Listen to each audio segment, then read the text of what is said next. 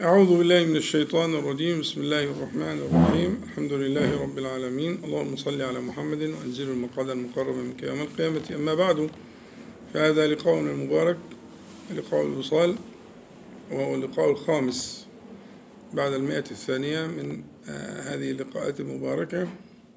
وكما ختمنا لقاءنا الأخير أننا سنجعل هذا اللقاء لاستيفاء ما كان من الأسئلة التي تراكمت حتى إيه يعني نجيب على ما بقي عندنا من الأسئلة إن شاء الله. فنبدأ بالأسئلة. فيها كان سؤال شفوي الآن من بعض الكرام الحاضرين بيتكلم عن أن الإنسان ممكن يجي يعني متأخرا بعض الشيء في صلاة كصلاة الجمعة أو غير الصلاة ويجعل إيه يتقدم ثم يتقدم. ربما يؤذي وربما لا يؤذي ولكنه يكون همه إيه أنه وجد مكانا في صفوف متقدمة يريد أن إيه يكون في الصف الأول أو كده. وهو في سبيل ذلك قد يرتكب بعض الأشياء اللي تغير قلوب الناس تغير قلوب الحاضرين وهذا الكلام. طبعا المسألة مدارها ليس على على هذه الحيل والتصرفات وكده هي مدارها أولا على قلب العبد. بنص الحديث الصحيح أن الله لا ينظر إلى صوركم وأجسامكم ولكن ينظر إلى قلوبكم وأعمالكم. فهي مدار المسألة على قلب العبد. الإنسان قلبه معلق بالمساجد وأنه محب لكذا وكذا إلى آخره يعني. المعاني الإيمان التي حملته على على المجيء للمسجد. ثم بعد ذلك مقدم على درء المفسدة لأنه جلب المصلحة شرطه درء المفسدة. لكن المصلحة التي تحمل معها مفسدة سيما من المفاسد المفاسد العظمى كتغيير قلوب الناس يعني تغيير قلب الناس ده من أفسد ما يكون. وإصلاح ذات البين هو من أعظم القربات إلى الله تعالى. وفسادها سماه النبي صلى الله عليه وسلم الحالقة. قال لا تحلقوا الشعر ولكن تحلقوا الدين. أسوأ شيء يرتكبه الإنسان أن يسعى في فساد ذات البين أن يكون متسببا في ذلك حتى لو عن غير قصد عن طمع عن شره عن تغافل مش مهم عنده أي حاجة المهم أنه يبلغ ما يتصور أنه يقربه إلى الله تعالى. أكثر حاجة تقربك إلى الله سبحانه وتعالى هو تطيب خواطر الناس هؤلاء عيال الله تعالى. تطيب خواطر الناس. يعني يقعد يعني على رأي هشام يقول لك فكر نفسه يعني خيال ولا ظل ولا هامش ولا ملوش وزن. ويقعد يمرق ما بين اثنين ومش عارف إيه. أصله شايف بينهم كام سنتي كده فينفع يعني يمر بينهم إلى آخره. وبكده وينظر للناس نظرة تعجب إن إزاي أنت يعني إنما هو يجاهد في سبيل الله ليصل إلى الصفوف الأولى والبتاع. هذه غفلة. في ترتيب الأولويات. تطيب خاطر الناس و... وربنا يعلم متى جئت وكيف جئت. كيف كيف يعني كيف حالة حالة حال القلب وكده. فالمسألة مهمة جدا. لكن إن كان من غير أي صورة من صور الإيذاء المعنوي أو المادي لا بأس. لكن لو احتملت أن تؤذي الناس ولو إيذاء نفسيا أدبيا. يعني مش إيذاء مادي يعني خبطته لا ممكن يعني يكون إيذاء نفسيا فلا شك أنه ده لا بركة فيه. لا بركة فيه. والله أعلم.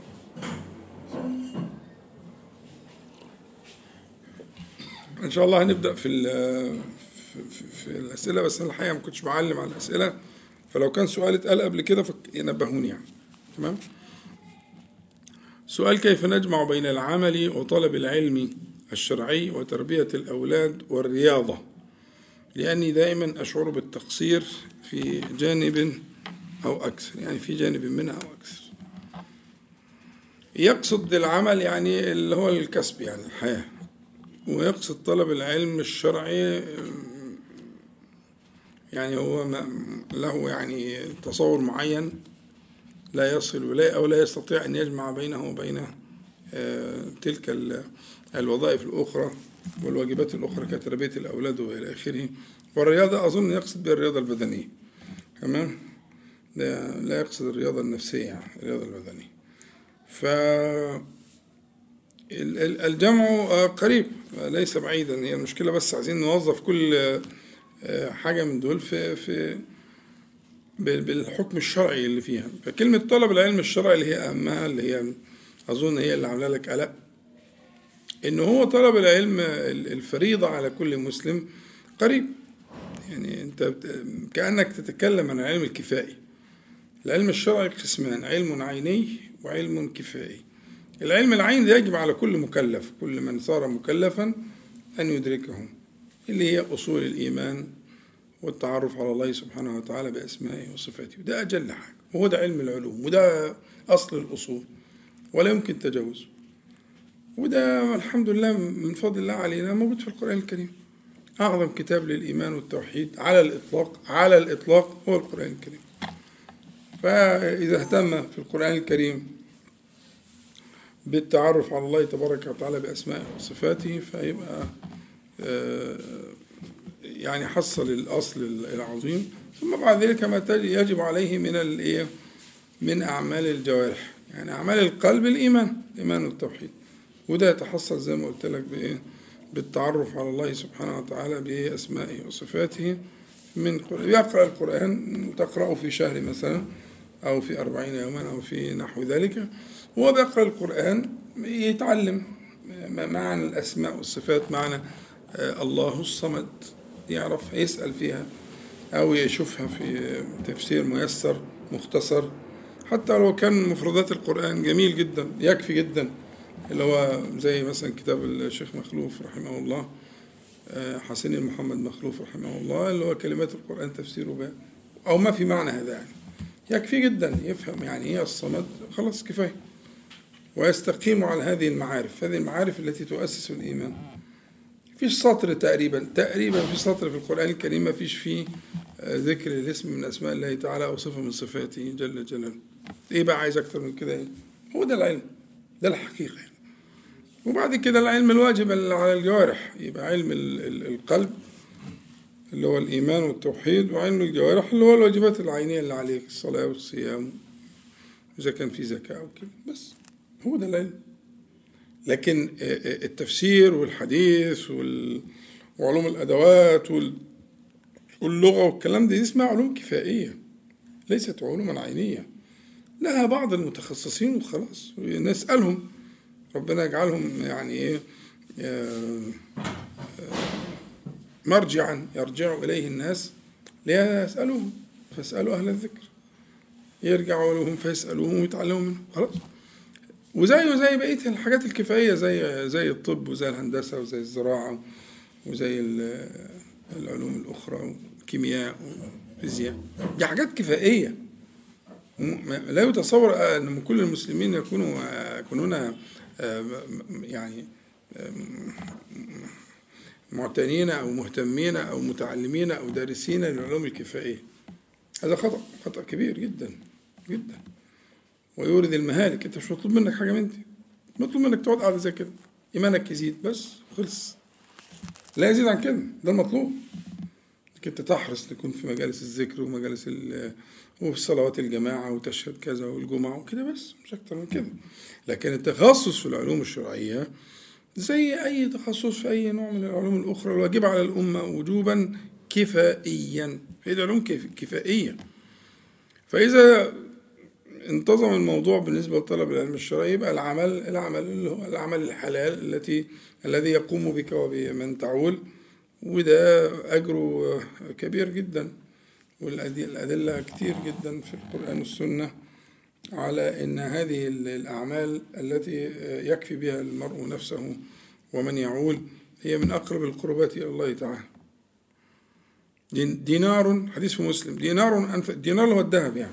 دينار أنفقته في سبيل الله ودينار تصدقت به ودينار أنفقته على عيالك أعظمه أجرا. لو أنت عارف الحديث هتغلط يقينا أنا متأكد.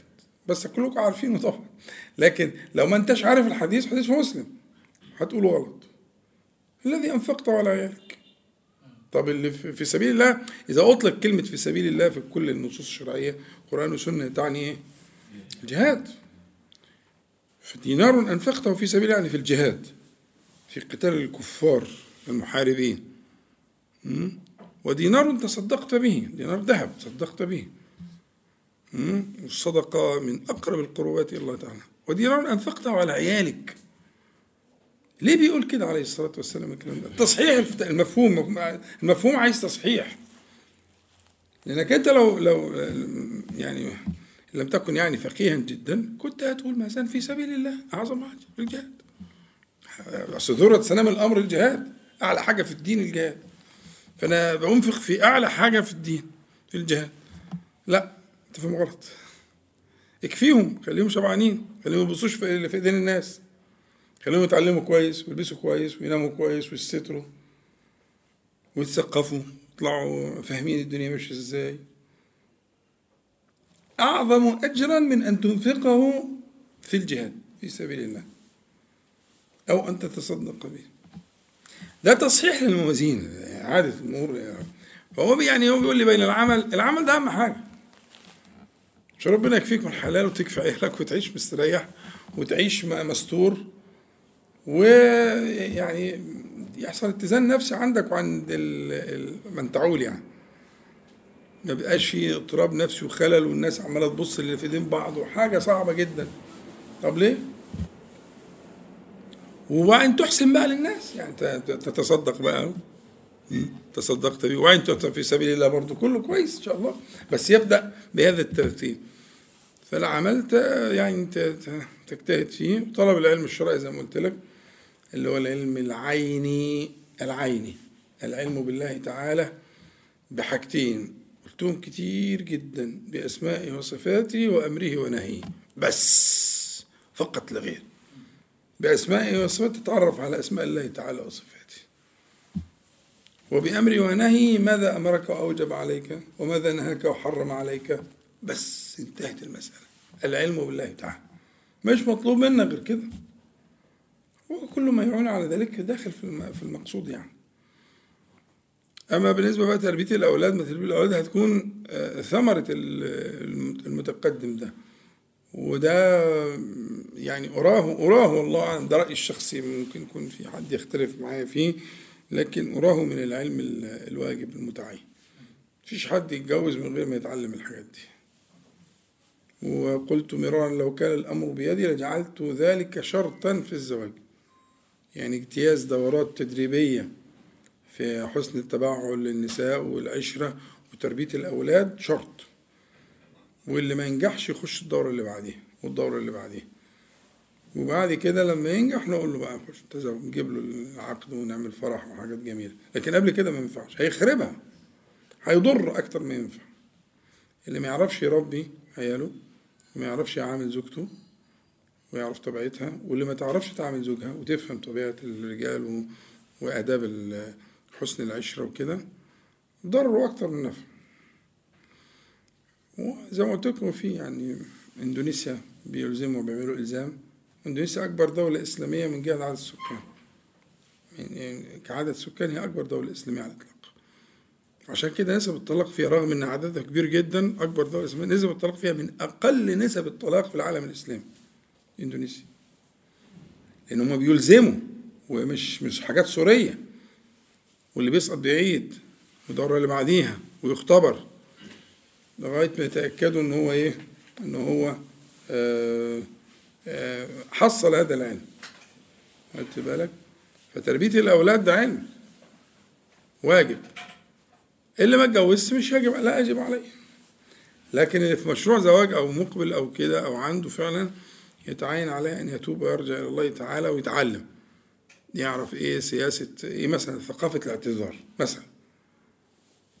هذه من الحاجات اللي هي يعني تحل جبال من المشاكل. لو اتدرب عليها وتعلمها. إن يقول حقك عليا. حقك عليا أنا غلطت.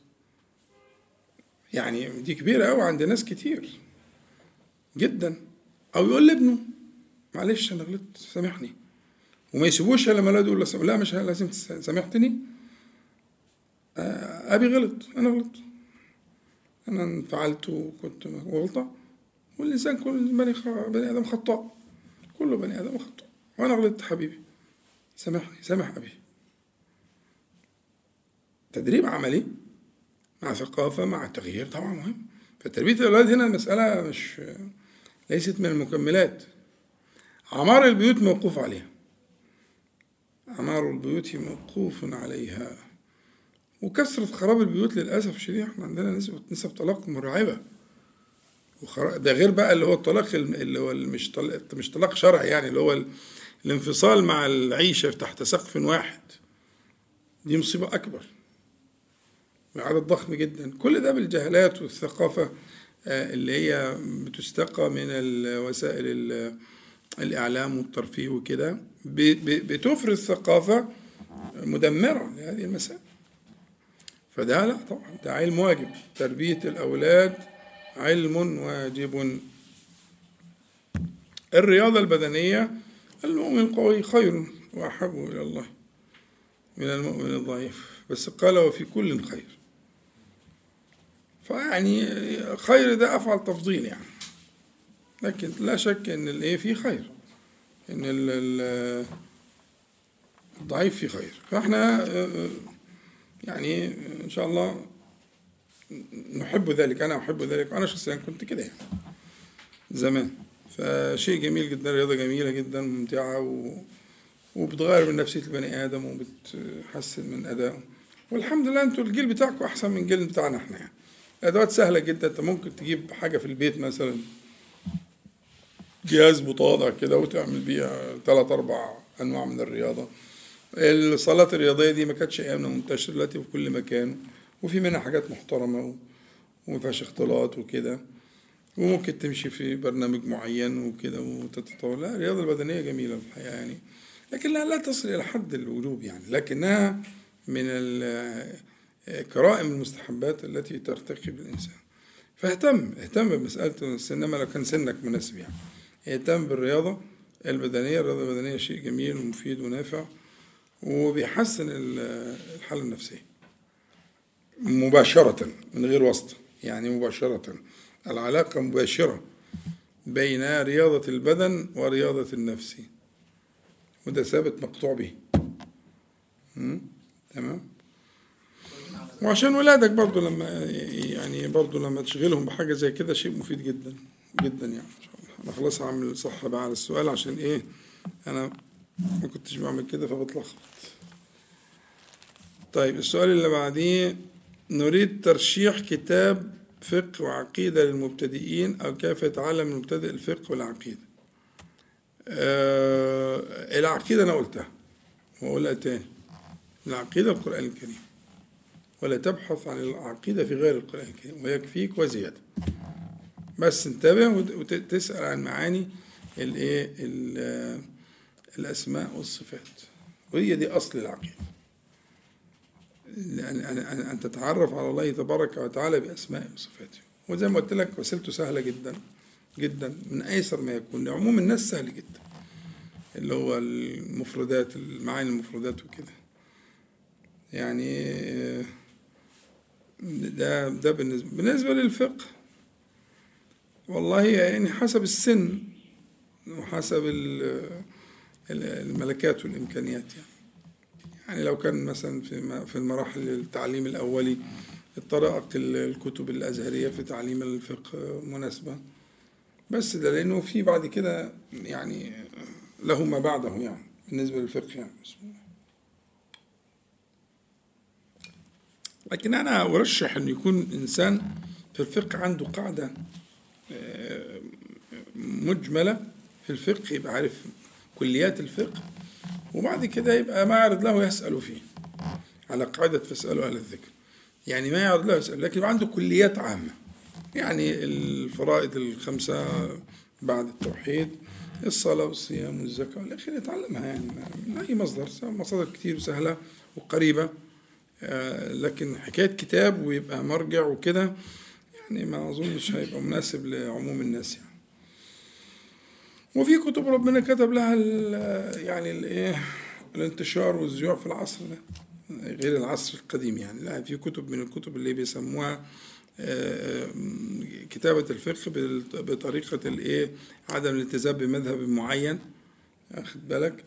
آه، في كتب قيمة يعني كتب الكتاب الشيخ العلامة سيد سابق رحمه الله. كتاب قيم ومفيد ولكن هو أظن هو أكثر مما يحتاجه عوام الناس يعني.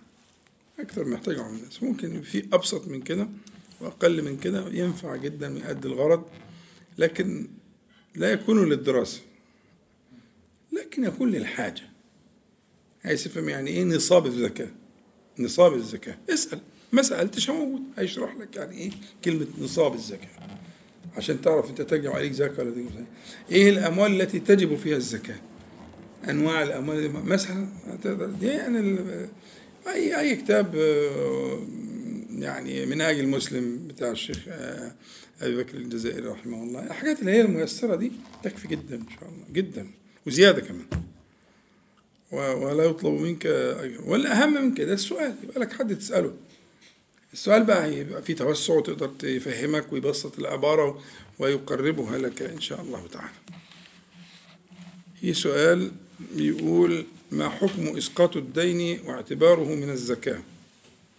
مفهوم الصورة؟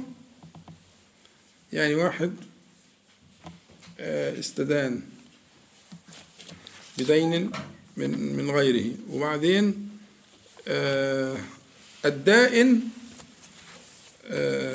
عنده مال وجبت فيه الزكاة. وهذه الزكاة تساوي تقريبا قيمة الدين الذي استدان منه يعني ألف وباء يعني خلاص؟ ألف ده دائن وباء مدين. ألف عنده مال وجبت فيه الزكاة. قيمة زكاة ألف تساوي أو تزيد على دين باء. فهل يجوز هل يجوز إن هو يسقط الدين عن باء آه، آه، بتلك الايه الزكاه اللي هي آه يعتبر كأنه دفعها مقدما يعني دفع الزكاة مقدما إلى باء الجمهور على عدم جواز ذلك. الجمهور على عدم جواز ذلك وأنه لا يجزئ لأسباب مش ما تخصكمش يعني حكاية التمليك ومش تمليك القصة كده إيه ها آه وأسباب أخرى يعني. لكن الجمهور على عدم الجواز. ولكن ذهب إلى جواز ذلك بعض المالكيه أشهب أشهب من المالكيه إمام من أئمة من أهل آه الاجتهاد في في في مذهب الإمام مالك. آه ذهبوا إلى جواز ذلك. وهو قول عند الشافعي. قول عند الشافعية في المذهب. قول عند الشافعية في المذهب. ومنقول عن بعض السلف زي الحسن وعطاء وغيره. وبالتالي أنا لا أفتي به ولا أنصح به. لكن في بعض الأحوال بيبقى آه، يعني أنا شخصيا بعمل حيلة. بنصح لما بلاقي إن إن ممكن تعمل مصلحة مصلحة تربوية يعني. بس دي حيلة أنا مخترعها. إن هو واحد بنجيب طرف ثالث عندنا ألف وباء بنجيب طرف ثالث جيم أو تاء خلاص؟ بيجيب تاء ونقول له إيه؟ روح لباء وقول له والله في يعني ربنا سبحانه وتعالى في يعني مبلغ جاي من عند ربنا إكرام ليك مش لازم يقول له زكاة يعني مبلغ جاي إكرام ليك يعني وكده. تحب آه، ناخده ونسد بيه الدين اللي عليك؟ وأنا الحيلة دي برضو فيها معنى كويس إنها بتكشف شوية الشخص المدين ده يعني الباء يعني بتكشف لنا شخصية باء اللي هو حامل الهم قوي وتعبه ووجعه كده.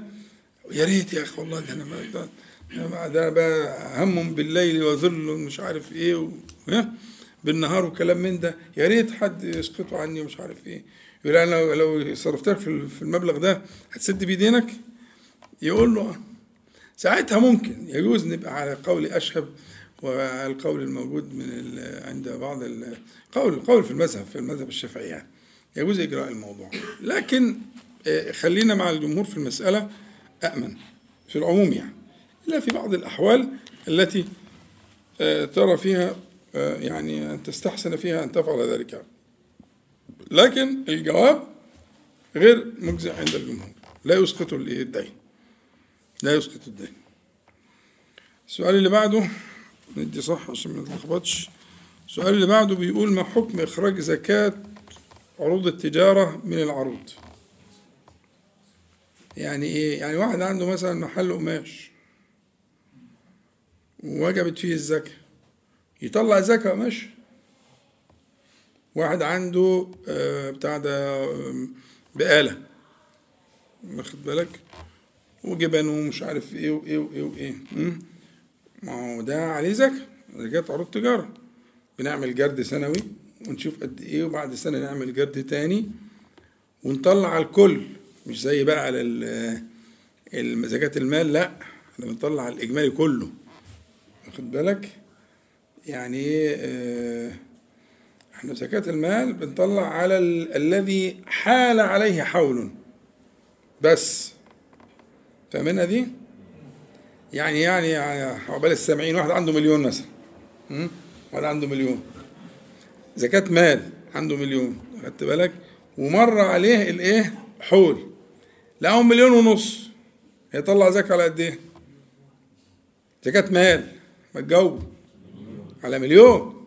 طيب واحد راس ماله في التجارة في المحل بتاعه مليون. ومرت السنة وبيعمل الجرد بعد سنة لقاهم مليون ونص. طلع على قد إيه؟ مليون ونص. ده الفرق الفرق بين زكاة عروض التجارة وزكاة المال. زكاة المال هي لأنه مال قابل للنمو. إحنا بنطلع زكاته عشان قابل للنمو. لكن المال اللي نامي بالفعل ده لا. ده بنطلع عليه كله. مش على قعد سنة. مظبوط؟ طيب يجي صاحبنا بتاع المانيفاتورة ده بتاع القماش أو بتاع ال- السلع الغذائية أو كده بيسأل ينفع أخرج الزكاة من عين العروض نفسه ولا لا يجوز؟ ها؟ إيه الأصل؟ ده أنت كده مية مية. ده انت ده لولا بس بس مش عايز أغلط يعني. ده أنت أزهري يا ولد. لا طبعا الجمهور على خلاف كده. لا يجوز عند الجمهور. لكنه آ- آ- آ- آ- أجازه الإمام أبو حنيفة. حنيفة عبقري. رحمه الله. كان له رؤية كده آ- آ- أبو حنيفة. وكذلك الإمام البخاري في الصحيح. في صحيح البخاري أجاز هذا الإيه ال- ال- الرأي. وهناك بعض المالكية وافقوا لكن طبعا أبو حنيفة لوحده أبو حنيفة ده إمام تمام؟ فهي على مذهب الحنفي يجوز يجوز يجوز السائل إنه يخرج من عروض التجارة يعني من من التجارة نفسها. وأنا أحكي لكم قصة كان في واحد زمان ربنا يديله الصحة يعني كان عنده محل مانيفاتوره في الشرقية كان يعني بيجي المسجد معانا وكده. وكان بيقول لي إيه لما سمع الدروس وكده فسمع يظهر كلام الجمهور وهو كان بيطلع دايما من الايه من القماش. فجاي يسألني قال لي أنا سمعت مش عارف الشيخ بيقول إيه ما ينفعش ما يجوزش كأنك ما طلعت الزكاة. ومش عارف واحد ابن حلال يعني تبرع وقال له إن أنت عليك الزكاة من يوم ما مش عارف إيه وبتاع وحاجات زي كده يعني. فجاني فقال لي الموضوع كذا كذا ده أنا حتى الناس بتبقى قاعدة من السنة للسنة مستنية القماش. هو كان ما شاء الله محل قماش كبير يعني. من في قريته قرية بجوار المدينة. بيقول بيبقوا قاعدين من السنة للسنة بكسيهم. يعني أنا بطلع القماش فالناس بتبقى قاعدة مستنية فرحانة. أنا اديتهم فلوس مش هيبقوا فرحانين زي الإيه؟ لو اديتهم الإيه؟ بين ال- ال- المانيفاتورة. فقلت له لا. قلت له أنت خليك حنفي في المسألة دي ويكفيك جدا الإمام حنيفة في المسألة وكذلك البخاري وغيره وبعض المالكيه كمان يعني. له خليك حنفي في المسألة دي واستمر على ما أنت عليه وإن شاء الله يكون فيها مصلحة كبيرة بالنسبة لك يعني. ولا بأس بذلك. والخلاف هنا طبعا مفيد ونافع إن شاء الله تعالى. ف لكن الجمهور لا طبعا. الجمهور غير مجزئ عندهم في الايه موضوع ال- اللي هو زكاة العروض يخ- يخرج من العروض نفسها. تمام؟ مانيفاتورة قماش يعني. الناس العواجيز اللي زي يسموها لكن محل مانيفاتورة محل قماش يعني هو كان عنده محل قماش بدل وحاجات كده ومحل كبير يعني. فكان بيطلع من القماش نفسه الزكاة كل سنة لأهل بلده. وكان قال لي هو جاي بيسألني بيقول ده الناس قاعدة مستنية لو اديت فلوس مش مش هيفرحوا فرحتهم بال بالقماش. كل قاعد بيستنى زكاة فلان بيطلع مش زكاة طبعا ما بيزفوش إنها زكاة يعني ان هو بيوزع يعني عشان أهل بلده كده فقلت له لا استمر على ما أنت عليه وإن شاء الله أنت مقبول بإذن الله تعالى. بسم الله.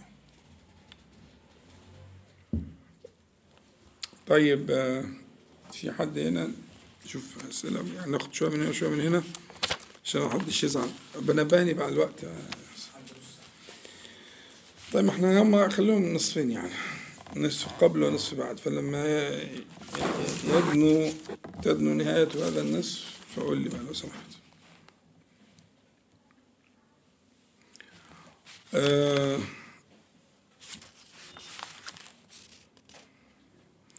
بيقول سمعت أن ابتلاءات بعض الأمم آه تدفع بالعباد الزهاد. أمثال الشيخ أسامة عبد العظيم رحمه الله. فهل هذا صحيح؟ وطبعا كنت أفضل أنك تقول أول ما كتبتش رحمه الله ثانيا أفضل أن تقول ولا أزكي على الله أحدا. التزكية مش النبي صلى الله عليه وسلم قال لو قطعت عنق صاحبك يعني ما التزكية ما. فإن كان ولا بد يعني فتقول ولا نزكيه على الله ولا أزكي على الله أحدا. عشان تبقى أنت بتأذي ما بتنفعش. إنما إذا إذا اضطررت إذا اضطررت إلى أن تزكي فتستثني هذا الاستثناء يعني. وما قلتش رحمه الله حتى لو متوفى. آه طبعا. طبعا. طبعا. طبعا. وبالذات في الحلقة بتاعتنا دي. ف أصل المسألة صحيح طبعا. ربنا سبحانه وتعالى بيدفع بأهل الصلاح آه بس المقصود بالمصلحين وليس بالصالحين. بالمصلحين وليس بالصالحين الله يدفع بالمصلح. لكن الصالح لا يكون لا دفعا عن نفسه ولا عن غيره. إنه الصالح الذي لا يصلح. اللي هو صالح في نفسه يعني. ملوش دعوة بالإيه؟ باللي حواليه. لا يأمر بمعروف ولا ينهى عن منكر ولا يدعو إلى الله تعالى. فيما مكنه وأعانه يعني الله سبحانه وتعالى. هذا لا عبرة له ده أمر إلى الله. لكن ال ال ال الذي ينفع نفسه وينفع غيره؟ من هو بقى؟ ما كان ربك ليهلك القرى بظلم وأهلها إيه؟ ها؟ مصلحون. ولم يقل صالحون. في درس كامل للمصلحين؟ نعم. إن شاء الله من يعني آه إسلام ويشد حيله في موضوع الموقع وتتحل المشكلة. العقدة. صارت عقدة عندي. الله يعني المفروض إنك أنت تضغط زر كده تطلع الحاجة اللي أنت عايزها.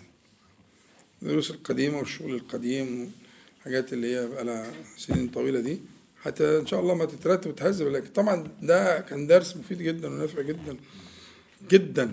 قضية الإصلاح والصلاح مهمة جدا. طبعا لا يكون المرء مصلحا إلا إذا كان صالحا. لكن دي خطوة على الطريق. الصلاح خطوة على الطريق. خطوة على طريق الإصلاح. الله تعالى يدفع بالمصلحين. يدفع بالمصلحين ولا يدفع بالصالحين. لا عن أنفسهم ولا عن غيرهم. فسيدنا الشيخ الله يرحمه رحمة واسعة نحسبه كان من المصلحين ولا نزكي على الله أحدا. الكلام ده كلام صحيح طبعا لا شك أن الله عز وجل يدفعه بالمصلحين. لكن مثل العباد الزهاد لا أنت كده مش مظبوط. العباد الزهاد كأنه إيه؟ في نفسه. هو بيتكلم على على النفس. هو العابد الزاهد ده في نفسه. لكن إذا كان داعيا إلى العبادة والزهد وداعيا إلى آه، آه، ابتغاء وجه الله سبحانه وتعالى وإلى الإخلاص آه صح. يبقى كده هنصحح السؤال ونقول إن الشيخ رحمه الله نحسبه كذلك ولا نزكي الله كان كذلك. ومثله لا يخلو عنه الزمان. عشان برضو مش عايزين نفهم غلط يعني. لا يخلو الزمان عن عن آمر بمعروف ونهي عن منكر إلى أن يأتي آخر الزمان حتى تقوم الساعة على شرار الخلق. لكن لله في كل زمان وفي كل حين من يقوم بأمره سبحانه وتعالى بالأمر بالمعروف والنهي عن المنكر والدعوة إلى الله تعالى. هل رؤيا الأموات في المنام حق؟ أه ما يراه النائم برضو كان ده درس مطول جدا وشرحناه بالتفصيل. ترجعوا له بعد عمر طويل بعد إن شاء الله ما. ربنا يكرم الشباب ويخلصوا الموقع. آه ما يراه النائم آه هو واحد من ثلاثة. أول حاجة يراه النائم أن تكون آه إفراز لما كان يكون في اليقظة حالة استرجاع للي كان بالنهار الأحداث المهمة اللي حصلت أو حتى غير المهمة اللي كانتش في بؤرة الشعور قوي أو كانت في بؤرة الشعور إلى آخره يعني. يعني إيه؟ أن يكون انعكاسا لما كان بالنهار. اللي إحنا بنسميه حديث النفس. قاعد يكتر اللي حصل وبصور مثلا مطابقة للواقع أو شبه مطابقة للواقع وإلى آخره. وده ملوش قيمة. ملوش أي قيمة ملوش أي قراءة. هو عبارة عن يعني تفاعل مع اللي كان موجود بالنهار. القسم الثاني مما يراه هو يكون من الأرواح الخبيثة. من الشياطين. نعوذ بالله من الشيطان الرجيم. وده بيكون لا يكون إلا إذا كان مأثر مأثر في الاستعداد للنوم. لأنه لو قرأ آية الكرسي لا يقربه الشيطان. قولا واحدا يعني ومن قرأ بالآيتين من آخر البقرة في ليلة كفتاه. والمفعول الثاني محذوف لحكمة. عشان انت تقول كفتاه إيه؟ كفتاه حاجات كتير قوي هو ده دي قيمة الحذف. عارفين إحنا قلنا اتكلمنا عن موضوع الحذف والتقدير في القرآن الكريم من أخطر الظواهر البيانية في القرآن الكريم وأكثرها في القرآن كله. يعني المحذوفات في القرآن الكريم بتجمع عشرات الألوف من المواضع في القرآن الكريم. عشرات الألوف من المواضع في القرآن الكريم. لأن الآية الواحدة ممكن تلاقي فيها موضع واثنين وثلاثة الآية الواحدة. صح؟ والقرآن فيه 6000 على رواية حفص يعني. 6236 آية. فكل آية لو فيها اثنين ثلاثة خلصت. حذف حذف حذف حذف. فلما يقول كفتاه ذكر لنا المفعول الأول طب المفعول الثاني إيه؟ وسع وسع كفتاه حاجات كتير جدا اللي هما الإيه؟ الآيتين من سورة البقرة فهو بقى لا بقرة ولا كرسي ولا حاجة خالص. ومسك التليفون ووقع وسقط صريعا لما في الهاتف وخلصت المسألة النتيجة بتكون إيه يعني؟ سيعبث به الشيطان هيلعب بيه ويشوف حاجات مش مظبوطة ويشوف حاجات مرعبة ويشوف حاجات مؤسفة وحاجات زي كده. فهو يعني إيه هذا هو القسم الثاني مما يراه الإيه؟ النائم القسم الثالث هو ما يحمله إليه الملك. ما يحمله إليه الملك. وهذا من بركة بقى حسن الاستعداد. وإنه يدعو والأذكار النوم النبوية المباركة والقرآنية. ده بقى يأتيه الملك وكما قال النبي عليه الصلاة والسلام بات في شعار ملك أو بات في شعاره ملك. روايتين صحيحتين. الروايتان صحيحتان. الشعار اللي هو إيه؟ اللي هو ما يلي البدن من الثياب يعني الفانيلا الداخلية. دي اسمها الشعار على الشعر يعني? يقول الناس دثار والأنصار شعار. النبي عليه الصلاة والسلام بيقول كده الأنصار هم أقرب حاجة ليا. ما تقول ده هذا شعاري يعني اللي هو إيه؟ أقرب شيء ليا. زي كقرب الإيه؟ ها؟ آه, آه زي ما زي ما قلنا آه آه هن لباس لكم وأنتم لباس لهن. فده كناية عن حاجات كتير. لباس جمال وزينة واللباس ستر للعورة. واللباس قرب. ها؟ فلما يقول هن لباس لكم يعني إيه؟ ها؟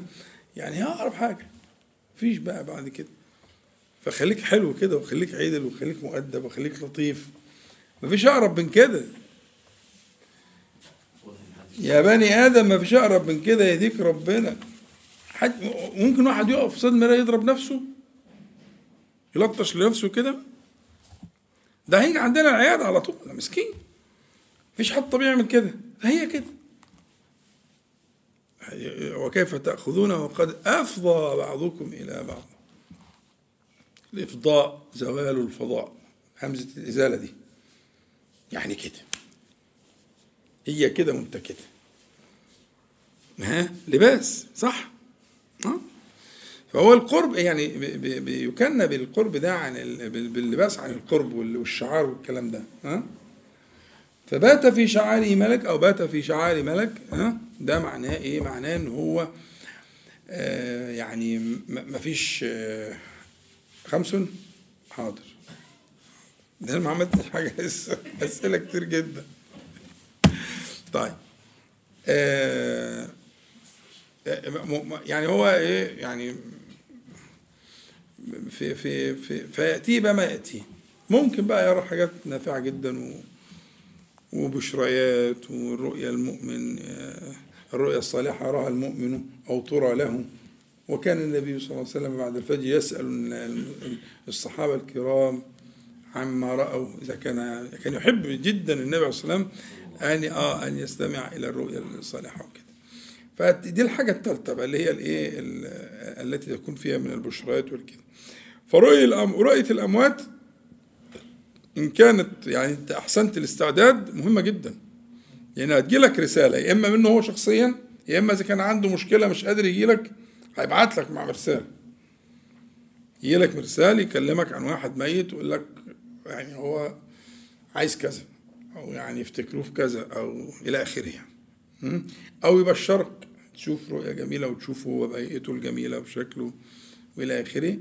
لأن زي ما قلنا الآية في سورة ال- الزمر الله يتوفى الأنفس حين موتها حين موتها.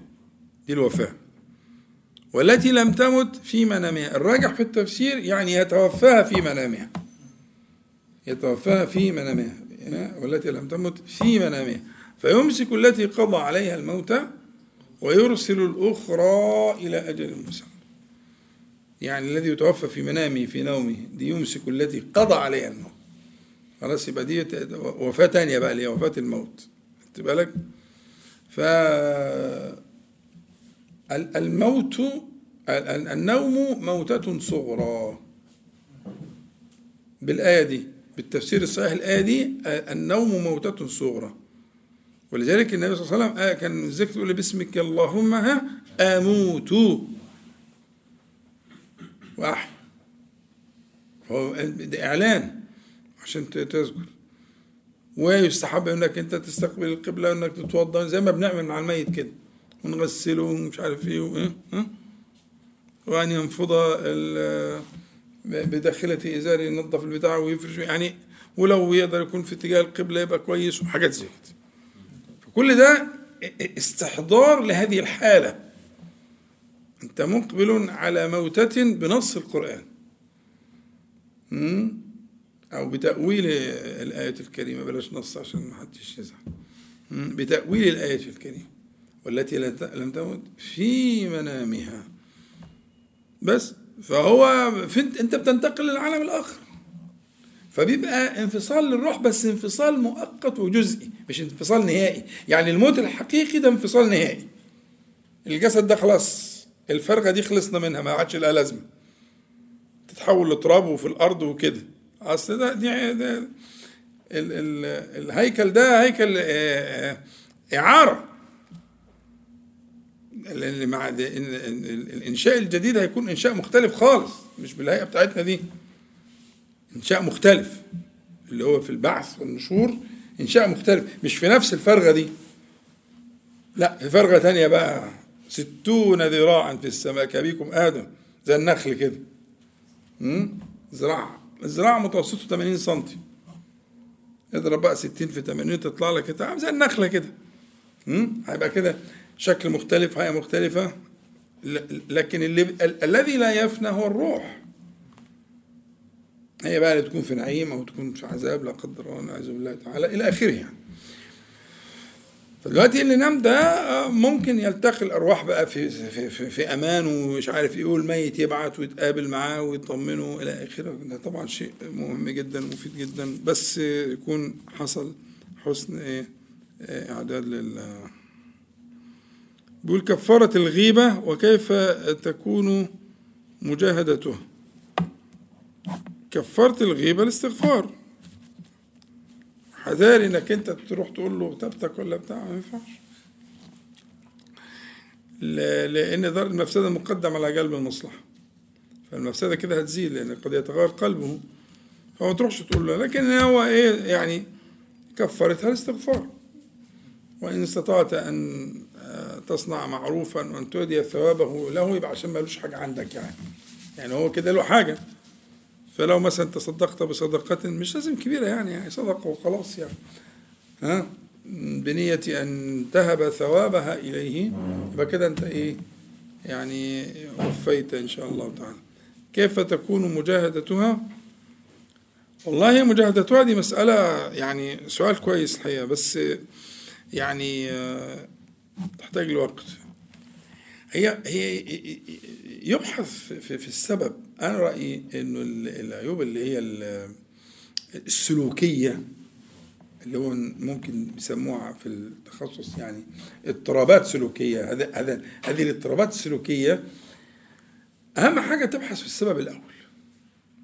والسبب بيختلف من شخص للتاني. فأول حاجة تعنى بها في علاج هذه المصيبة إن هو إيه يجري على لسانه. يعني ممكن واحد ياخدها بالإيه بخفه دم إنه ما بيسيبش حد ما بايه ما بيتريقش عليه. ما دي غيبة. يسخر منه. طريقة كلامه طريقة مشيه مش عارف إيه إيه إيه إيه. واحد إيه وبعدين يجد الجمهور بقى بينبسط والشباب يضحكوا ومش عارف إيه و... فيجد من المغريات ما يجعله يجود بقى. يقعد يجود بقى ويحسن من تلك المواهب وكده. أو في سبب تاني أو في سبب ثالث إلى آخره فأول حاجة آه، آه، المربي أو المصلح آه، يبحث في في سبب الوقوع في هذه المشكلة الكبيرة جدا وليست قليلة لأن الغيبة دي حسبك من صفية من صفية أنها كذا. حتى الحديث ما قالش ما قالتش يعني ما تقولهاش كذا مرة. قالت أنها كذا. يعني قصيرة. وهي صفية كانت قصيرة فعلا عنها. بنت حي بن أخطب زوج النبي صلى الله عليه وسلم. ها؟ دي استحملت جامد. مش عارف إيه تقول له من ومن هذه اليهودية. اليهودية دي كانت يهودية هي دلوقتي أم المؤمنين. فهي كانت لها حظها كان قليل يعني في الإيه؟ المهم. فبتقول له آه، لحضرة النبي عليه الصلاة والسلام يومنا عائشة رضي الله عنها بتقول له حسبك من صفية أنها كذا. يعني أنها قصيرة. قال لقد قلت كلمة لو مزجت بماء البحر لمزجته يعني من نتنها يعني الكلمة دي لو رميناها في النيل هتنتنه. إيه ده؟ دي كلمة. وكلمة وهي قصيرة فعلا. يعني هي هي هي رضي الله عنها كانت قصيرة. ففي حالة ثورة كده غضبية آه، بتاعة الضرائر؟ آه لا حسبك من صفية أنها كذا فشوف النبي عليه الصلاة والسلام ينبه حاجة طب هتقعد تكفر عنها إزاي ده؟ إن كلمة تغير ماء البحر آه لو مزجت بماء البحر لمزجته يعني من نتنها فطبعا لا لا يستهان بذلك. بهزار بجد بعصبيه بزعل. كل الكلام ده يعني خد بقى عندك العنوان أنها كذا أنها قصيرة فمصيبة كبيرة. فطبعا لو لو ليس فيها يبقى بهتان بقى. ده مصيبة تانية. يعني هي قصيرة فعلا. منتنة تغير ماء البحر وهي فعلا كده. أمال بقى لو ما في افتراء يبقى دخلنا في الإيه؟ في البهتان. فمجاهدة ذلك تكون آه، بحسب الشخص وأسباب ما وقع فيه من ذلك. دي حاجة شخصية عايز علاج. وتستحق أنك أنت تبحث عن آه، معالج مربي آه، استشاري نفسي أو سلوكي. الحمد لله الحاجات دي متوفرة جدا دلوقتي غير زمان ومقبولة اجتماعيا وما فيهاش أي إشكال خالص اللي هي المتخصصين في التعديل السلوكي. موجودين في كل حاجة الواحد بقى عنده الإيه الحتة دي ما بيقدرش يمسك نفسه فيها. كل ما يلاقي فرصة يخبط يخبط. يعمل لا ده طبعا لازم يلجأ إلى الإيه إلى الله سبحانه وتعالى ليدله على ال- الذين. طيب نكتفي على هذا المقدار استراحة قصيرة ونعود إن شاء الله تعالى. سبحانك اللهم ربنا وبحمدك أشهد أن لا إله إلا أنت أستغفرك وأتوب إليك. تفضل. الذي منزل الله مقرر منك يوم القيامة أما بعد. ف آه، سائل يقول شرح الجذر اللغوي لمادة التقوى مادة التقوى. التقوى التاء دي آه، فيها قلب يعني أصلها وقوى أصلها وقوى وقوى. فقلبت الواو تاء فهي أصلها من الوقاية. وقى يقي وقوى وقاية ووقوى. فقلب فالتقوى من الوقاية. التقوى من مادة الواو والقاف والحرف المعتل مادة وقاية. فالمتقي هو الذي يجعل بينه وبين المهالك والمزالق سترا ووقاية. معنى التقوى مبنية على الوقاية. كالذي يتقي السهام مثلا بالدرع. هم؟ يبقى ده معنى الإيه؟ الوقاية أو التقوى. فالمتقون واتقوا الله ويعني اتقوا غضب الله. اتقوا أسباب غضب الله تعالى. اتقوا منازل غضب الله تعالى. فالتقوى لا تكون في في جلب المصالح ولكن تكون فيما يكون به دفع المضار. وأسباب الهلاك وال- والضر. تمام؟ ده باختصار يعني. آه، إلقاء الضوء نرجو إلقاء الضوء على ما يتعبد يتعبد به المكلفون لله تعالى في حالة ضيق العيش وقلة المؤونة. نريد النصائح في هذا الأمر خصوصا ما يشغل الكثيرين في هذه الأيام. ويعني ربنا تعالى يقول نبلوكم بالشر والخير فتنة وإلينا ترجعون. إحنا شرحنا معنى الفتنة كتير قبل كده. الفتنة معناها إن يدخلوا الحجر المشتمل على ال- المعادن النفيسة يدخلوه إلى أفران. أفران. فالأفران بتذيب ال- الأحجار اللي هي عبارة عن أملاح آه، الكالسيوم كربونات والحاجات اللي زي كده تفدوب الأملاح وكثافة المعادن أثقل فالمعادن تبقى في في في القاع والأملاح دي آه، الذائبة دي تبقى تطفو? فأما الزبد فيذهب جفاء وأما ما ينفع الناس فيمكث في الأرض. ده المثل اللي ربنا ضربه فالفتنة هي كده. الفتنة هي نوع من أنواع الشدة اللي هي زي النار يعني بيدخلوا فيها ال- الأحجار والصخور دي. شدة تخرج ما في النفس من خبث. كل إنسان فيه خبث. مش كده؟ فألهمها فجورها وتقواها كل إنسان بترد عليه من الخبائث والأفكار الخبيثة والمعاني ما يرد. ده غير طبعا آه، وساوس الشيطان. يبقى النفس الأمارة بالسوء من جواه والشيطان من خارجه. والثالث الذي لا يقل اللي هو شياطين الإنس. فأنت عندك ثلاث مصادر من مصادر البلاء. البلاء. ثلاث مصادر. المصدر الأول أدناها وأقربها هو النفس اللي هي النفس الفاجرة. ثم ال- ال- ال- الذي يليها في القرب ما يجري منك مجرى الدم اللي هو وساوس الشيطان نعوذ بالله من الشيطان الرجيم. ثم يأتي الثالث الذي لا يقل خطرا اللي هو شياطين الإنس اللي هم أحيانا بيعطلوا على شياطين الجن. يعني يبالغوا حتى يسبقوا شيطان الجن. يعني أنا متأكد إن اللي اخترع ال- الإنترنت ده فاق إبليس. له فوائد آه بس حجم الضرر اللي فيه آه، لا يتصور لم يكن يعني العقل البشري لم يكن يتصور ما يصل إليه مما وصل إليه. فهذه المصادر الثلاثة مهمة جدا ينتبه لها يعني. فإحنا بنتكلم إنه ما يكون من تلك الفتن من ضيق العيش وإلى آخره لازم ينظر له ان هو من فعل الله تعالى طبعا بيسبب له الأسباب وبئس وبئس السبب الذي سببه سبحانه وتعالى لأن ضيق على عباده لكنه لا يقدر أن يفعل ذلك إلا بإذن وأمر من الله من الله تعالى أن يفعل. لكن بشؤمه يفعل. بما سيحاسب عليه يفعل. لكن في الحقيقة ما يكون من شيء في هذه الحياة الدنيا من خير أو من شر إلا بإذنه وأمره سبحانه وتعالى. فإن الله ناظر إليكم يعني في في هذه الإيه الأحوال التي يضيق فيها العيش. ناظر إليكم. أنا كل كلامي دلوقتي على حال القلب حال القلب في هذه الإيه المضايق من العيش في هذه المضايق من حال القلب. الجوارح لا الجوارح موضوع تاني. الجوارح أولا يكون في ذكر لله سبحانه وتعالى وسؤال وإلحاح أن يفرج الهم وأن يكشف الغم وأن يعجل بالفرج. ده واجب كما كان يفعله الأنبياء والمرسلون.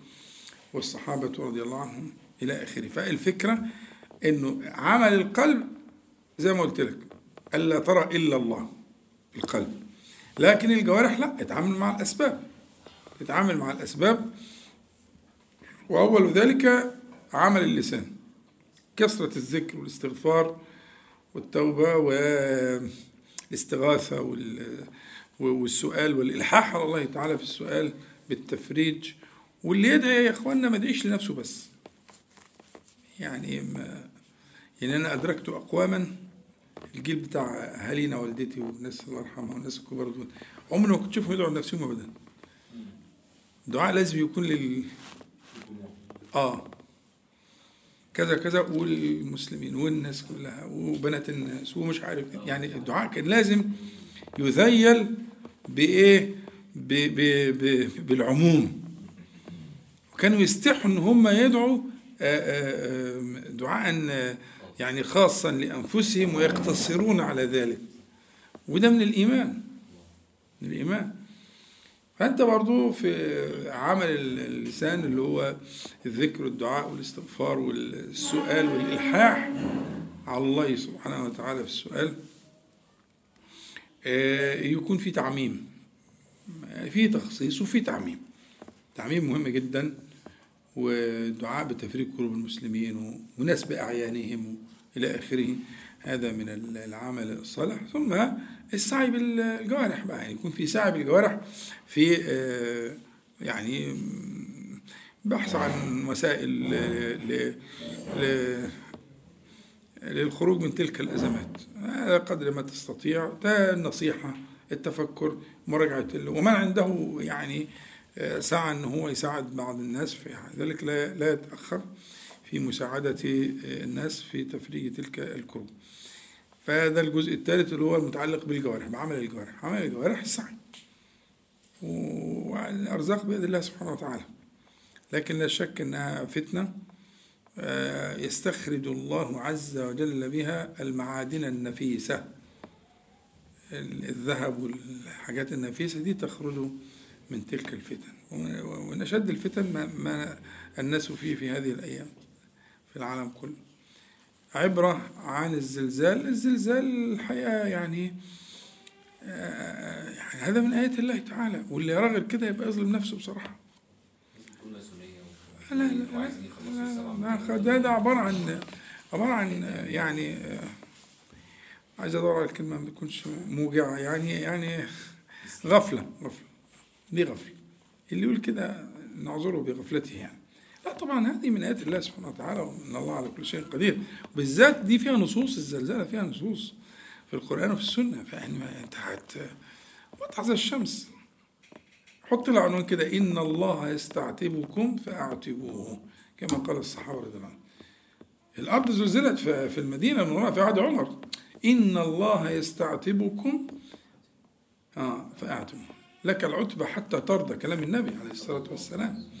في الراجح يعني سند صحيح. لك العتبة يستعتبكم يطلب منكم العتبة. ها؟ فأعتبوه. ها؟ الاستغفار والتوبة والندم. عامل زي مثلا صلاة الاستسقاء والحاجات دي. إيه إيه معنى صلاة الاستسقاء والكلام ده؟ إيه ما هي ظاهرة كونية. إن المطر قل فنروح نستسقي.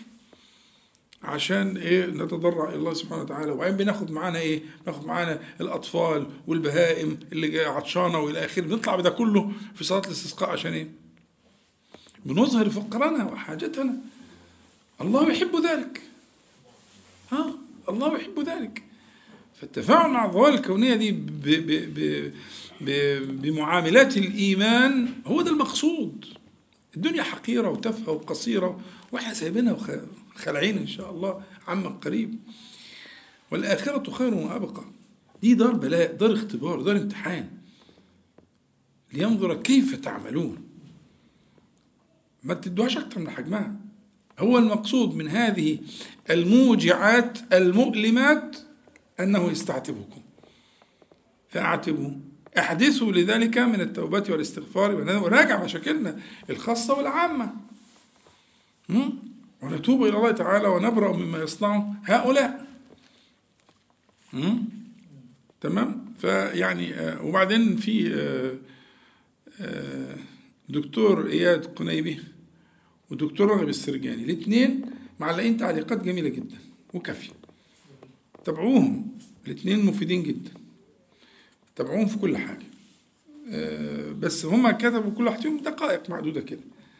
راغب السرجاني وإياد قنيبي الاثنين اتكلموا عن زلزال كلام كل الإيمان وكل المعاني ال- التي ينبغي ألا تغيب. يكفي يعني ما تزودوش عن كده يعني إن شاء الله. طيب آه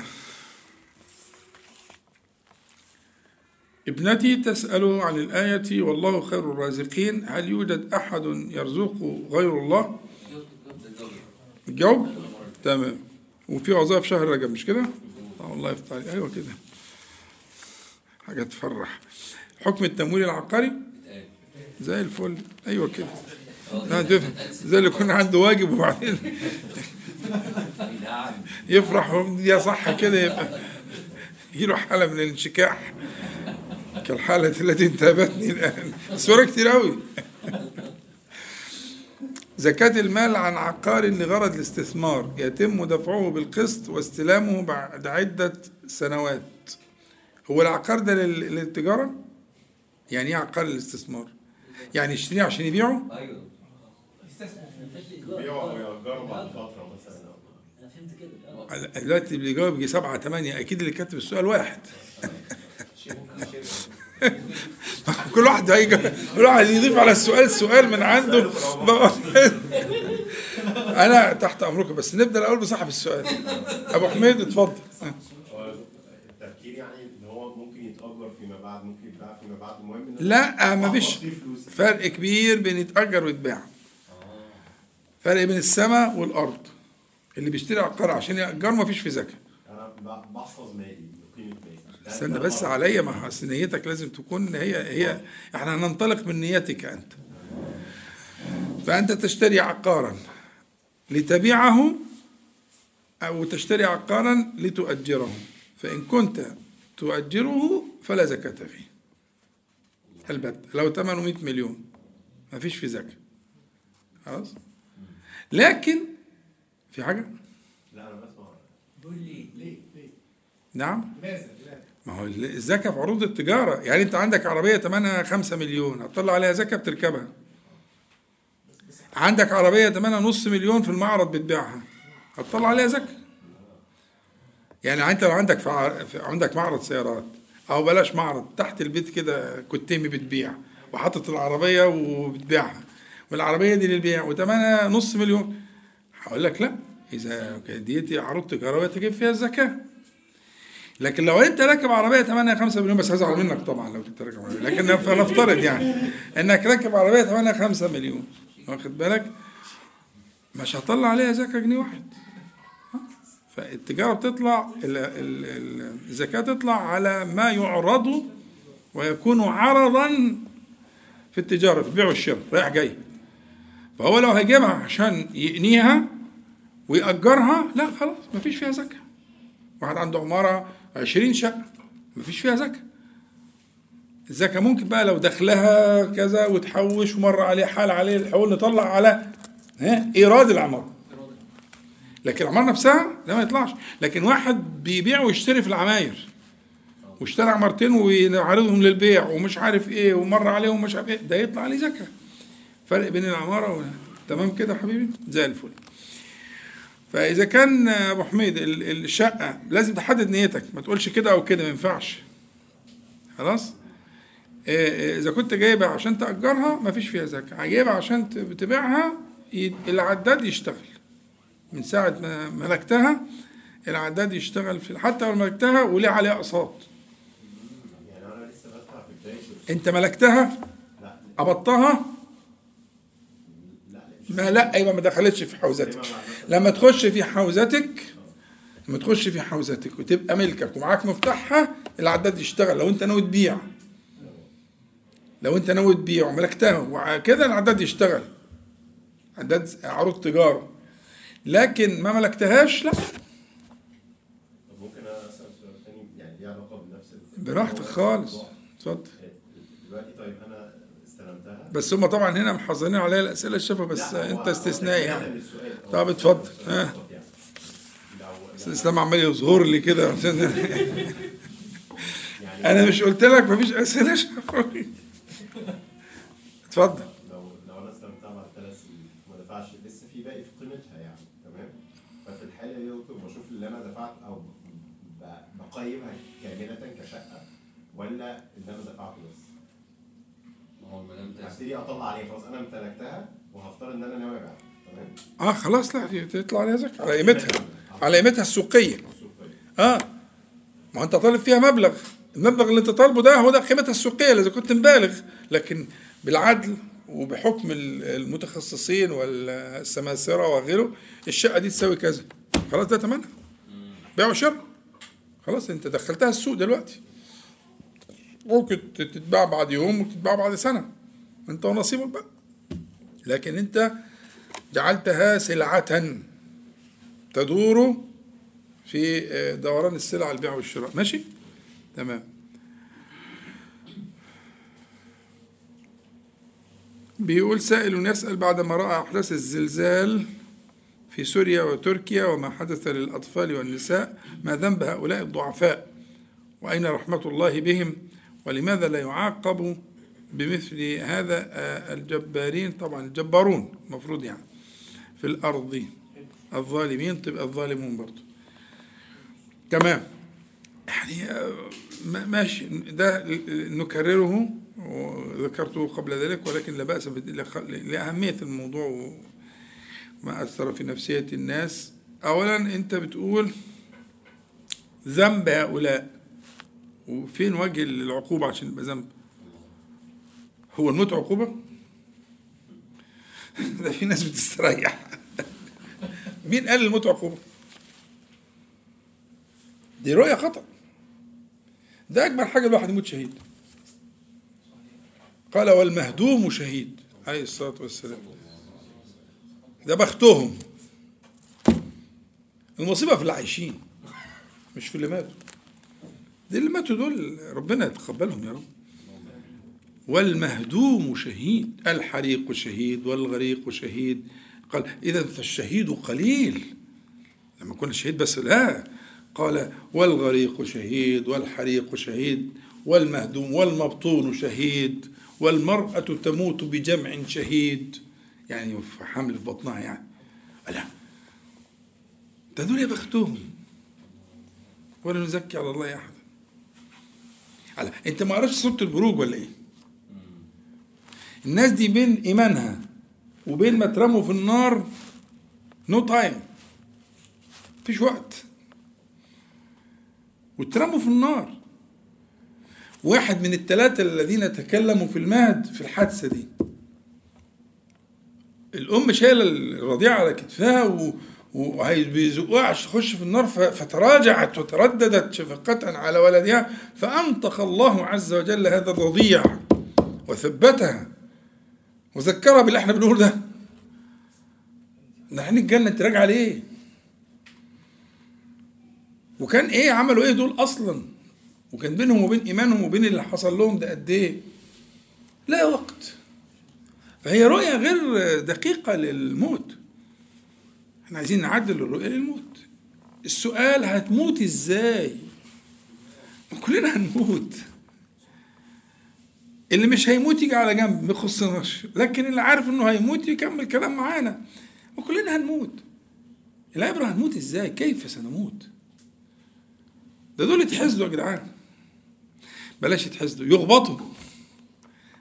يغبطوا على ما اختار الله عز وجل لهم من الهدم أو الحرق أو ها؟ وما عملوش حاجة ولا ذنب لهم وضعفاء ومساكين. فأول تصحيح ما ذنب ولا أدم الذنب يا عم. ده دول معدين الناحية التانية. تمام؟ أين رحمة الله بهم؟ قد رأيت رحمة الله. اختار لهم أشرف ال- الرتب الشهادة. وفي أرحم من كده؟ ندعي بيها على نفسنا ولا نقول إيه؟ يعني مفيش بعد كده رحمة مفيش أرحم من كده. اختار لهم وبعدين الآيات اللي ظهرت كمان ال- الأطفال والناس اللي ربنا نجاهم آيات آيات من آيات الله سبحانه وتعالى الجميلة ال- ال- ال- البنت اللي مش عارف في الإنعاش وعمالة تتكلم أنا ما صليتش ولا صلاة في في اليوم وأنا ما صليتش النهاردة. آه، يعني آيات ربنا سبحانه وتعالى يسوقها. ولماذا لا يعاقب الله بمثل هذا الجبارين في الأرض؟ لا بيعاقب الجبارين. أنت عارف الجبار ده بينام بإيه؟ بينام بالترامادول بينام بال antidepressants بينام بالمسكنات. تفكرينهم سعداء؟ دول في رعب وخوف وهلع ولا يغركم الأشكال دي. أنا عندي واحد مسكين ضعيف كده بينام في وسط عياله مبسوط ومستريح ومفرفش. أحسن مليون مرة من الجبارين اللي أنت بتتكلم عليهم دول. دول في تعاسة ما بعدها تعاسة. في أنفسهم ومع أهليهم ومع أولادهم. لو أسرة كده مطمئنة وسالكة مع بعضيها ده هو ده النعيم ده نعيم الدنيا. ده مش ده هم محرومين من الكلام ده خالص يعني. مين قال لك؟ دول بيعاقبوا أشد العقوبة في الدنيا قبل الآخرة. طبعا عقوبة الآخرة دي مستنياهم لكن في الدنيا يعاقبون اوعى تفتكر إن الزائف المنظر ده هو هو ال- الذي حكاه الله سبحانه وتعالى عن فرعون في القرآن الكريم. فرعون ما كانش مستقر ولا كان مستريح. ده كان في حالة من القلق والخوف? والرعب? الشديد من شرذمة قليلون وإنهم لنا لغائظون. كان في حالة من التوتر.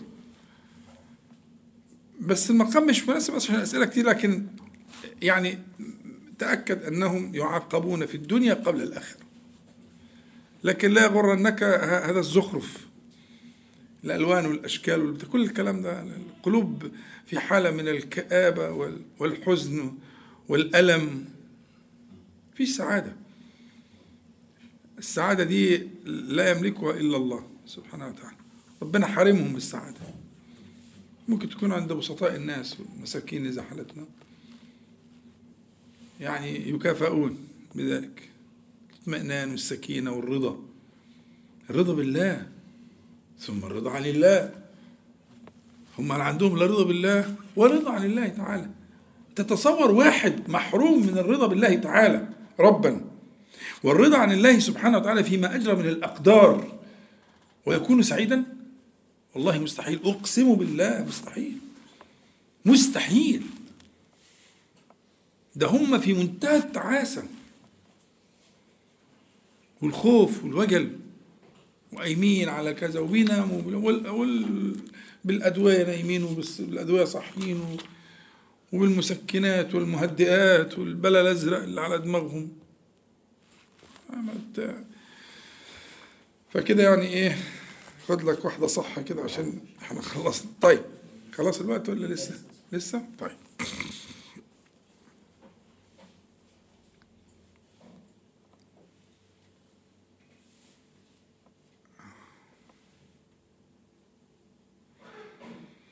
أنا أتفكر في الدعاء إعدادا لموطن من مواطن الإجابة. يعني صباح عمر ولا حاجة.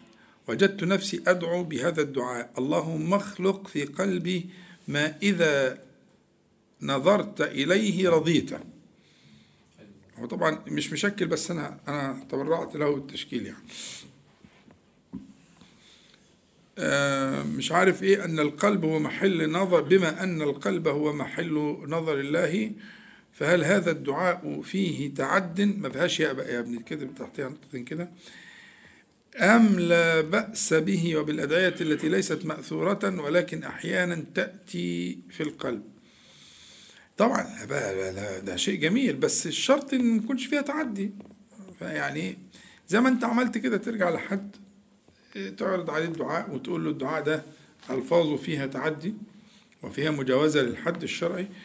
ولا لا؟ فإذا يعني أقرك فانطلق. الدعاء اللي أنت بعته اللهم اخلق في قلبي ما إذا نظرت نظرت إليه رضيت.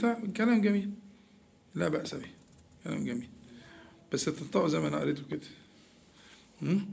كويس. يعني معاني لطيفة وكويس إنك بتفكر بالشكل ده. أحسنت.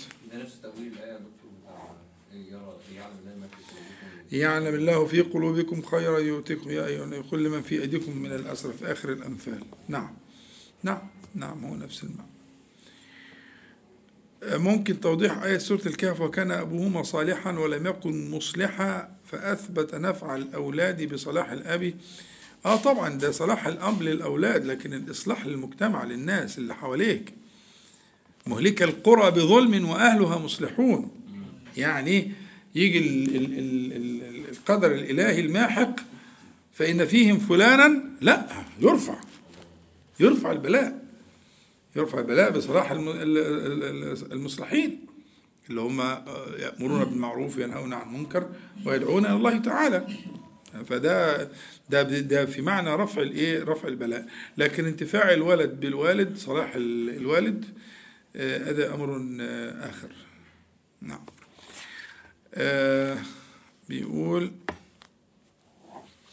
رأس مال المرء وقته وتنظيم الوقت. رأس مال مش عارف مال ما المرء سيء بسبب عدم تنظيم الوقت. فما النصيحة هو دي مقدمة يعني. السؤال ها؟ الجواب أبشر. أبشر ببقى مبسوط جدا.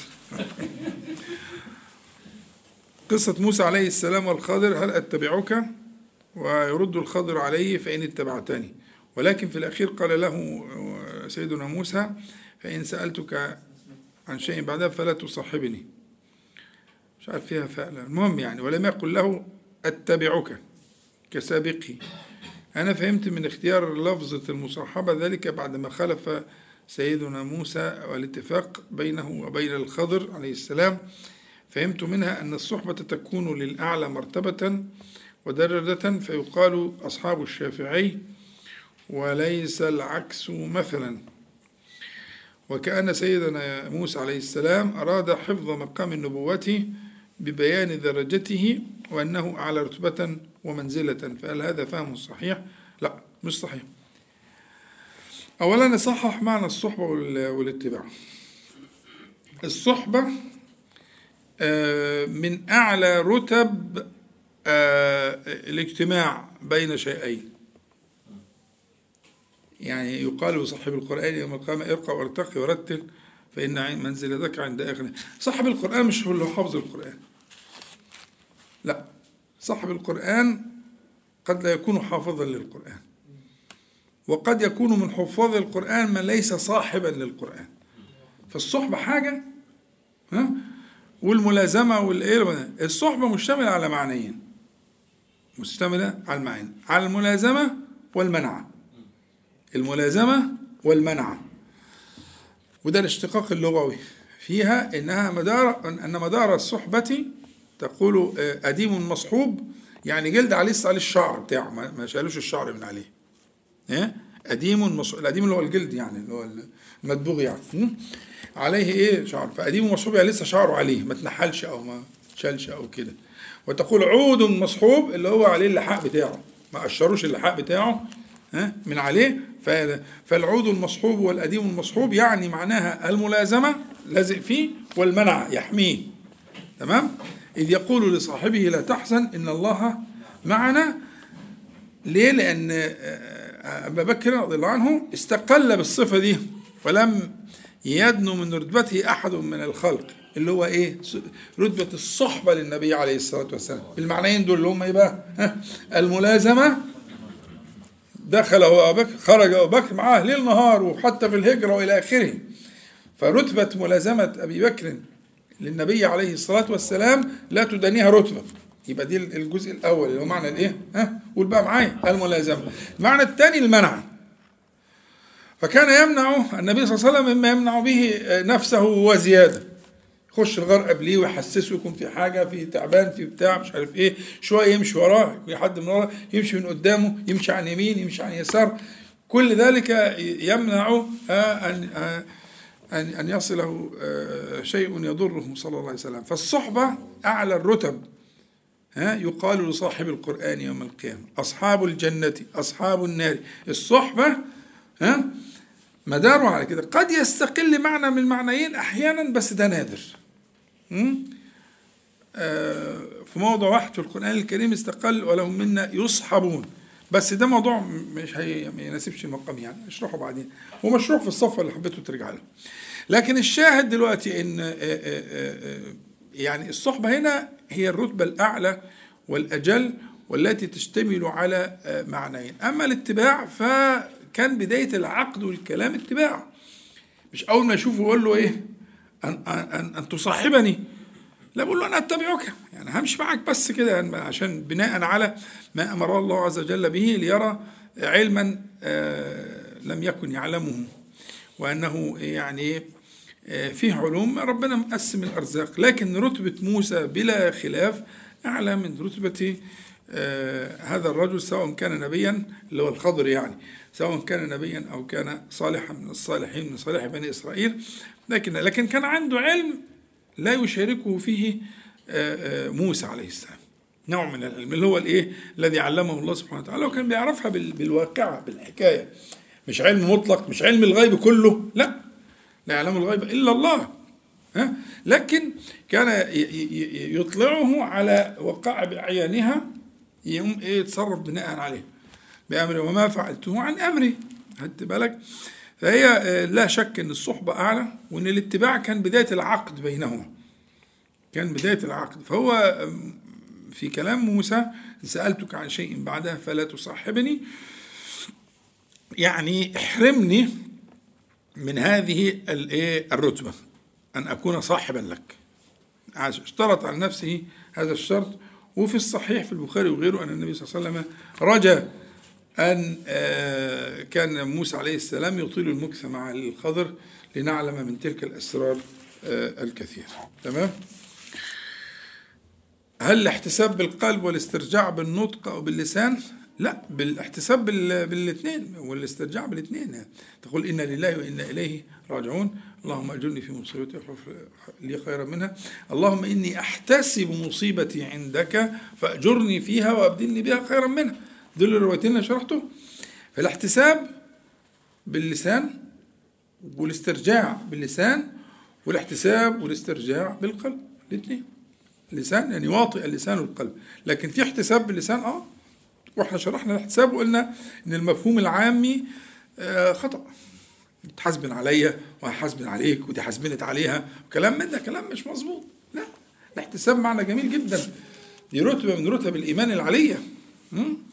وشرحناها بالتفصيل يعني مش محتاجين أظن نشرح. ماشي؟ لكن كلاهما بالقلب واللسان. ما هو حكم الدم الذي ينزل بعد فترة النفاس؟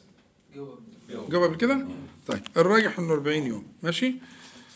في ناس قالت 60 بس ال ال ال ال الدليل الأقوى وجمهور الفقهاء على إنه 40 يوم. آه برضه أصلي استخارة في أمر معين فهل أستمر فيه حتى يظهر؟ لي انه ليس فيه الخير أم أن الله عز وجل يعطي لنا علامات؟ والجواب لا مش كده؟ حكاية اللي مستني يشوف آه، منام ويشوف رؤية والكلام ده لا أصل له البتة الاستخارة أمر منتهي يعني. طيب ما حكم شراء الذهب أونلاين؟ الجواب طيب وقفنا على الصبر بقى مش كده؟ كان السؤال الورقة نفسها فيها آه، آه، آه، كله جو كان إحنا واقفين على السؤال اللي الراجل في الأصل الأصل في الأمر باستعانه بالصبر. لا لا جو جاوبا جاوبناه؟ أمال معاك أنت كنت بعت بتقول لي في توسع في الصبر أنت قعدت بالتوسع في الصبر. يعني طيب حاضر. نوسع في الصبر طالما أنت عندك وقت. هنقول موضوع الصبر ده باختصار شديد. الصبر لغة معناها الحبس.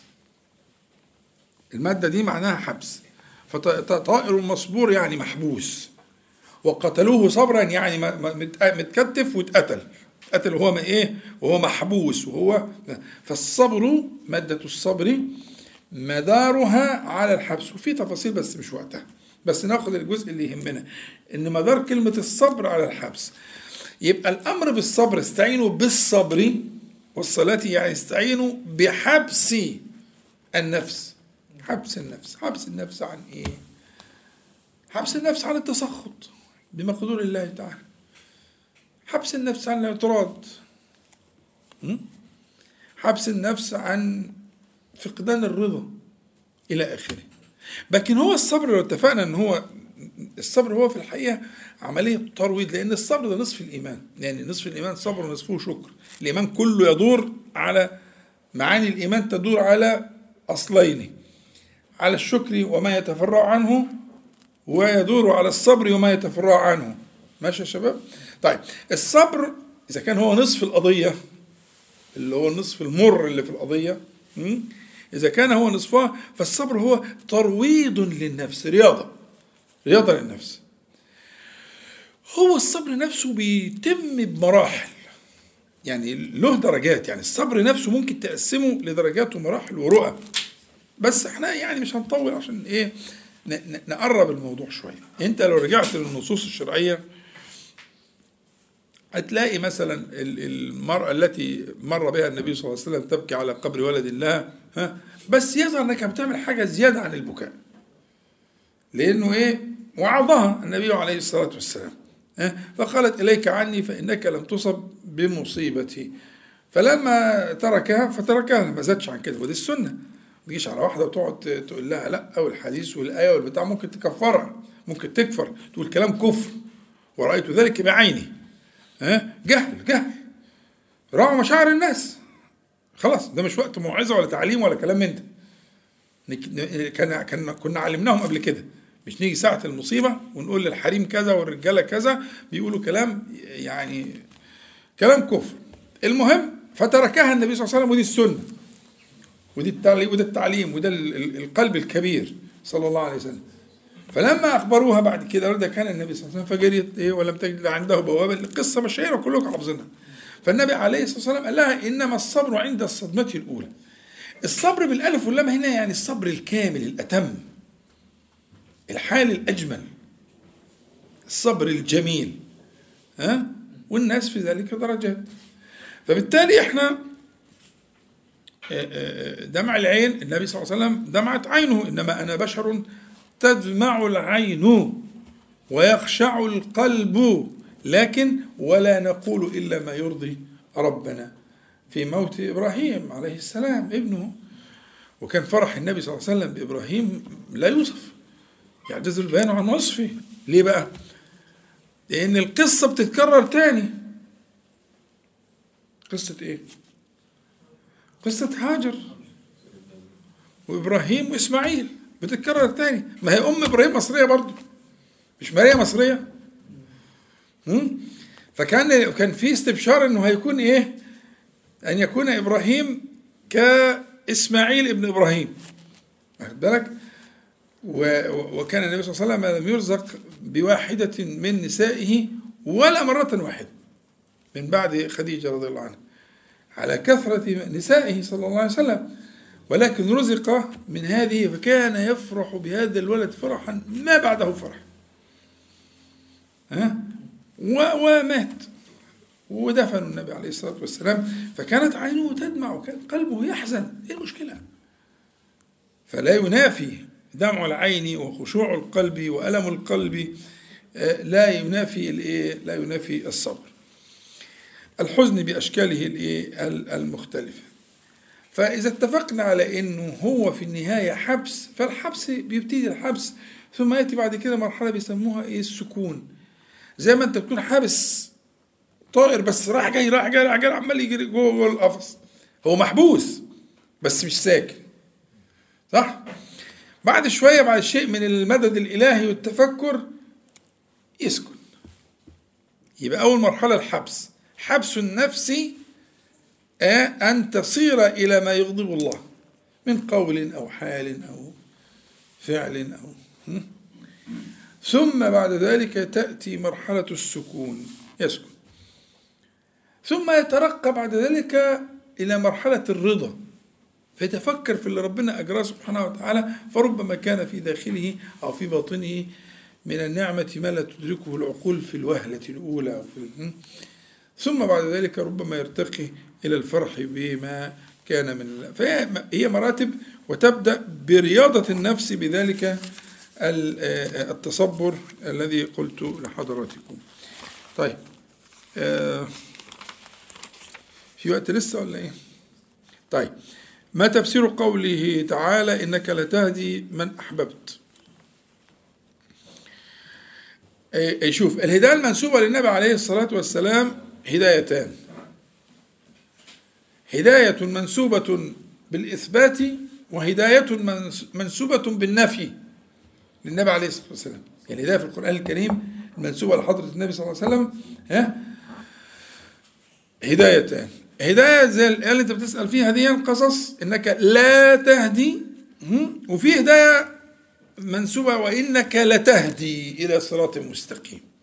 فالهداية المنسوبة إليه صلى الله عليه وسلم بالإثبات وإنك لتهدي إلى صراط مستقيم هي هداية الدلالة والبيان أما الهداية المنفية في الموضع ده ها فهي هداية الإعانة? وهنا في الحالة دي أحببته إيه؟ مين هو؟ كتير من المحققين من المفسرين الكبار الكبار الفحول يعني قالوا إنه أبو طالب. وإن النبي صلى الله عليه وسلم آه، آه، كان يحبه. لما أسدى إليه طبعا هو اللي مربيه. وأسدى إليه وكده. فإنك لا تهدي من أحببت طبعا وجبلة وعرفانا بالجميل. ها؟ هدايته عند الله. أنت هديت الهداية التي إيه تقدر عليها؟ اللي هي هداية الإيه؟ البيان.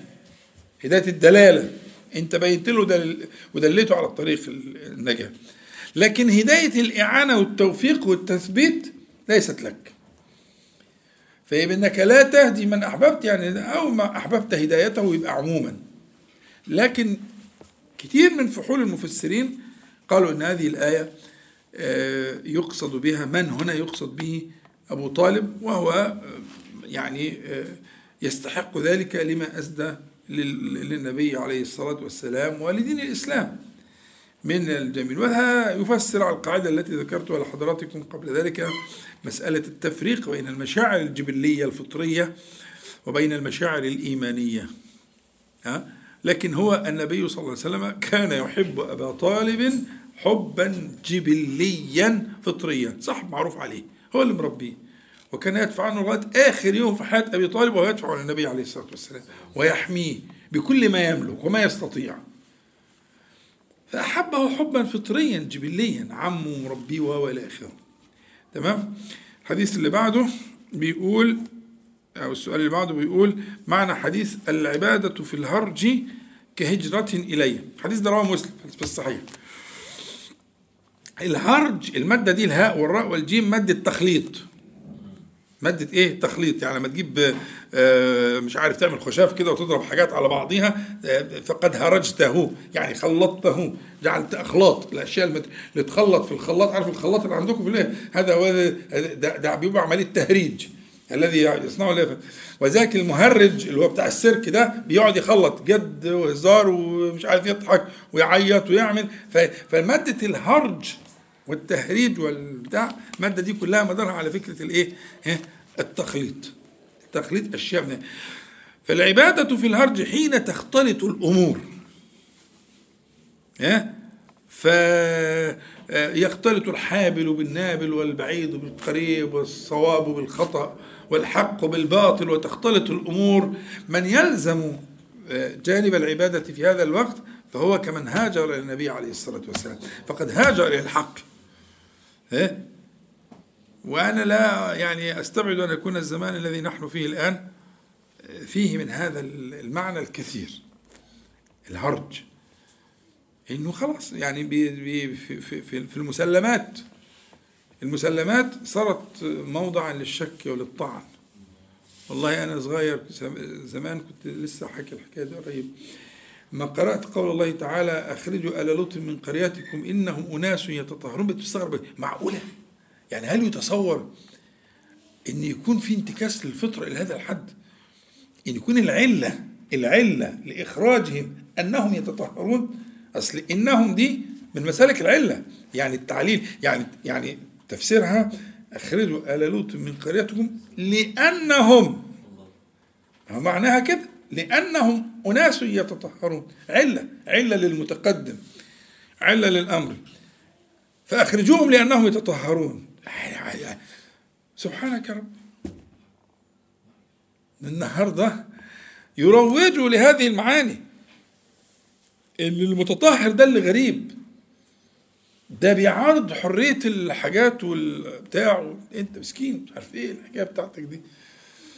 يعني إلى هذا الحد آه حاجة من أعجب ما يكون. ولذلك ال- الأمة دي عقابها كان إيه؟ القلب. القلب. زي ما نكسوا الفطرة نكسهم الله تعالى. ها؟ والمؤتفكة ها؟ أهوى. المؤتفكة هنا برضو من الحذف. دي صفة لموصوف محذوف. يبقى والقرية المؤتفكة يعني المنقلبة. والقرية المؤتفكة أهوى. يعني جبريل عليه السلام بطرف جناحه رفعها إلى السماء الدنيا ثم نكسها ثم قلبها ها؟ ثم هوى بها إلى الأرض فصارت أسفل بقعة في الأرض اللي هي جنب البحر الميت. البقعة دي أسفل بقعة في اليابسة والمؤتفكة الم- المنقلبة المؤتفكة. أهوى أهوى بها جبريل عليه السلام. فالفكرة إنه كانت العقوبة من جنس الجريمة. تنكيس لل- للقرية وتنكيس سبقه للفطرة. فربنا ينجينا. فطبعا لا شك إنه العبادة في الهرج والحديث صحيح زي ما قلنا آه، كهجرة إلي. والعبادة طبعا لها ظاهر ولها باطن وقصة جميلة جدا. ف آه، من لزم ذكر الله عز وجل وعبادته في زمان الفتن فإنه كمن هاجر. هنا طبعا التشبيه في وجه شبه يعني مش مش هو من المهاجرين السابقين الأولين من المهاجرين لا لكنه يشبههم. ربما يحشر الله عز وجل معهم يعني ها؟ فالحديث جميل وبديع ووقت مناسب بصراحة يعني جزا الله مرسله خيرا. هل يجوز للدعاء الدعاء للمريض بقوله اللهم امسحه بيمينك الشافية هل طبعا نبدأ الأول بالإيه؟ بالأذكار ال- ال- الواردة عن النبي عليه الصلاة والسلام. فإذا استوفيت نعم؟ جاوبنا. طيب. آه، آه، آه، هو ال- ال- الدعاء ده دعا به بقي بن مخلد لأحمد بن حنبل رحمه الله في في محنته. ولم ينكر عليه لا أنكر أحمد ولا العادين أنكروا فجائز.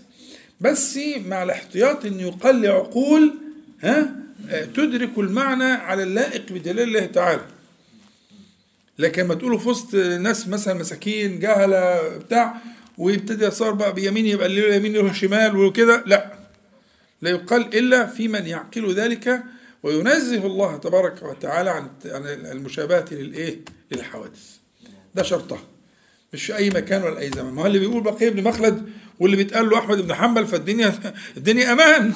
آه فلو أنت في مجلس فيه ناس يعني يدركون هذه المعاني لا بأس. جميل. لكن ما تروحش في وسط ناس مساكين وتقول كلام توقعهم من غير قصد يعني توقعهم في الإيه؟ في التشبيه أو في التكييف أو فيما آه، يشبه ذلك من الإيه؟ المقاييس. بقي سؤال واحد مش هجاوبه لما يكون صاحبه موجود. اللي هو سألني عن آه، آه، سماع موسيقى الراب. حكم سماع موسيقى الرب وبدون كلام خارج. فأنا برضو إيه آه، مش هجاوب لما يجي إن شاء الله. هو مش موجود معاكم أنا سألت سألت فقال مش موجود فإن شاء الله لما يجي أنا هخلي السؤال ده الوحيد اللي ناجله المره الجاية والمرة الجاية إن شاء الله نستأنف ال- الدرس في اللقاء القادم. نسأل الله تعالى أن ينفعنا جميعا يا رب العالمين بما قلنا وما سمعنا. أن يجعله حجة لنا لا علينا يا رب العالمين وأن يعيذنا وإياكم وسائر إخواننا من المسلمين والمسلمات من شرور أنفسنا ومن سيئات أعمالنا ومن فتنة القول والعمل. اللهم صل على محمد وأنزله المقعد المقرب منك يوم القيامة.